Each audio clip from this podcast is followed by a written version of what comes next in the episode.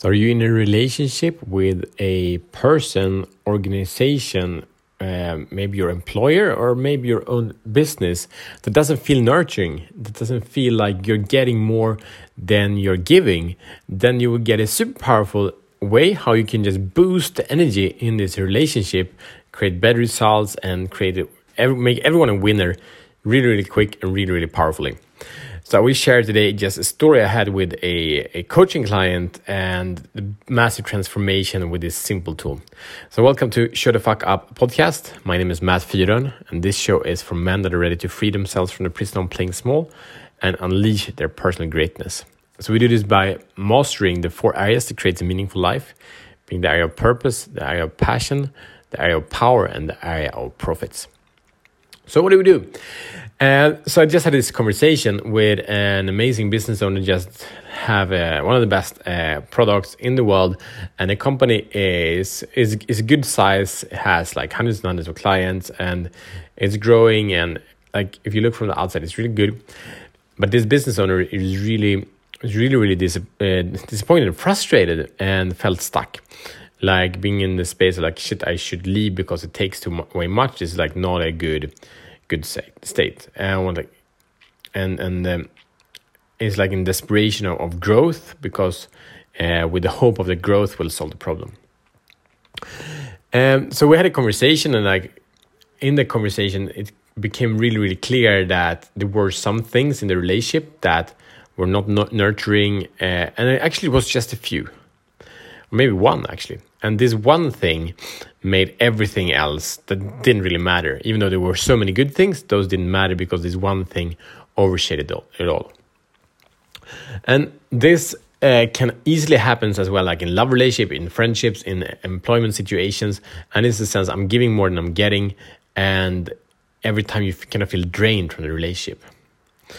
Um, so what we did, we had, we had a big uh, conversation, uh, but it came down to this one thing. So this entrepreneur, uh, the one thing was that uh, the, the the company had borrowed money, uh, like basically a year ago, and this entrepreneur didn't know, like it felt like that was was uh, it wasn't good, it wasn't cool, didn't.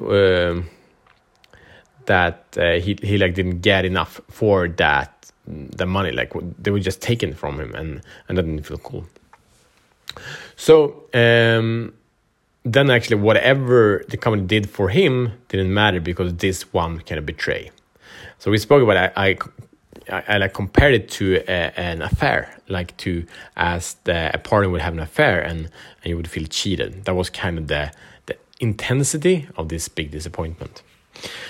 So what happened is that the energy between these two, the, like the entrepreneur and the, and the company, was always a relationship of lack, a relationship of frustration, and far from you know a happy relationship where, where there's synergy. Like there are two people or an entity and a person giving to each other, and both get more.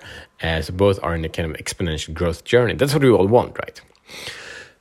So what we did that we went through. Uh, one one main thing that has a few components. But the main conversation and up there was huge huge transformation was to reset the agreement. So one first part in that was to realize that the that he did not was not forced to make this agreement to lend out the money. Was actually a a decision, a personal decision. Even though it like seemed like there were no options, it was actually a personal decision. And as we always speak about here, that's the transformation from being a victim to a leader. Like I choose to instead of I had to, right? That's massive. And secondly, was to this loan wasn't uh, especially in the past, maybe not good or whatever, but there's no no point in talking about it.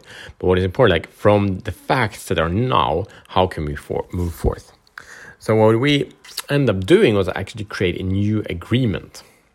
And this is really powerful. So if you have a, person that things do not work out with, don't look at the, the facts being, oh, I feel angry or he or she disappointed me. That is not a fact, it's a reaction. But what are actually the facts?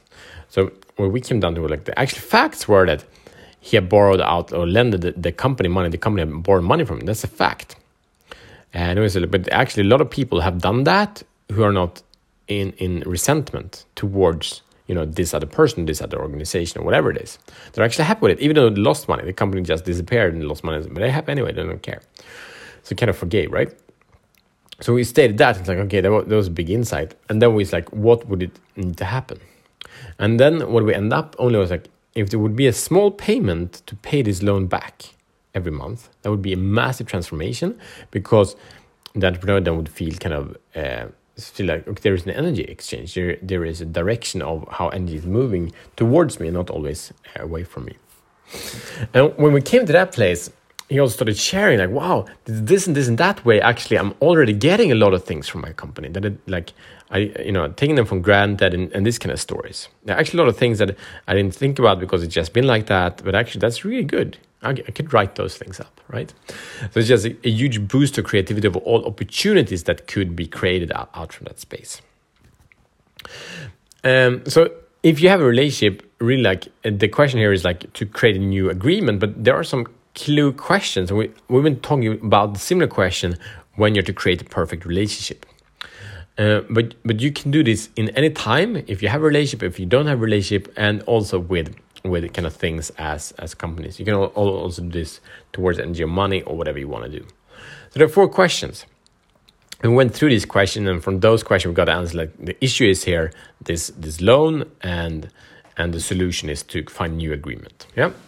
So the questions we, we went through, and um, I really invite you to do this if if you have a relationship that you don't feel clear with. So number one, what do you want from this other person, or this this company, or this other thing? Like, what do you want from them? And second thing, what do you not want? And then uh, third question, what do you want to give? What do you not want to give? And and when you're clear about these things, it can be a bunch, you know, or maybe it's just three. But what's really important is to go from this is a must, like a must for, for, for my client that I'm sharing about here was I do not want to give money to my company. I do not want to lend money to my company. What do you want? I want to get money back from the loan. I want to get a, a good salary, you know? And, and then what do you, else, other things that he wanted was to do certain things that he likes. And there were other things like he does that wouldn't be preferable if, if, those could be delegated, but it could also be done later. That's no priority. Um, and also, what do you want to give and what do you don't want to give? So we created clarity in these things, and this one action came out. And this is super simple, but the transformation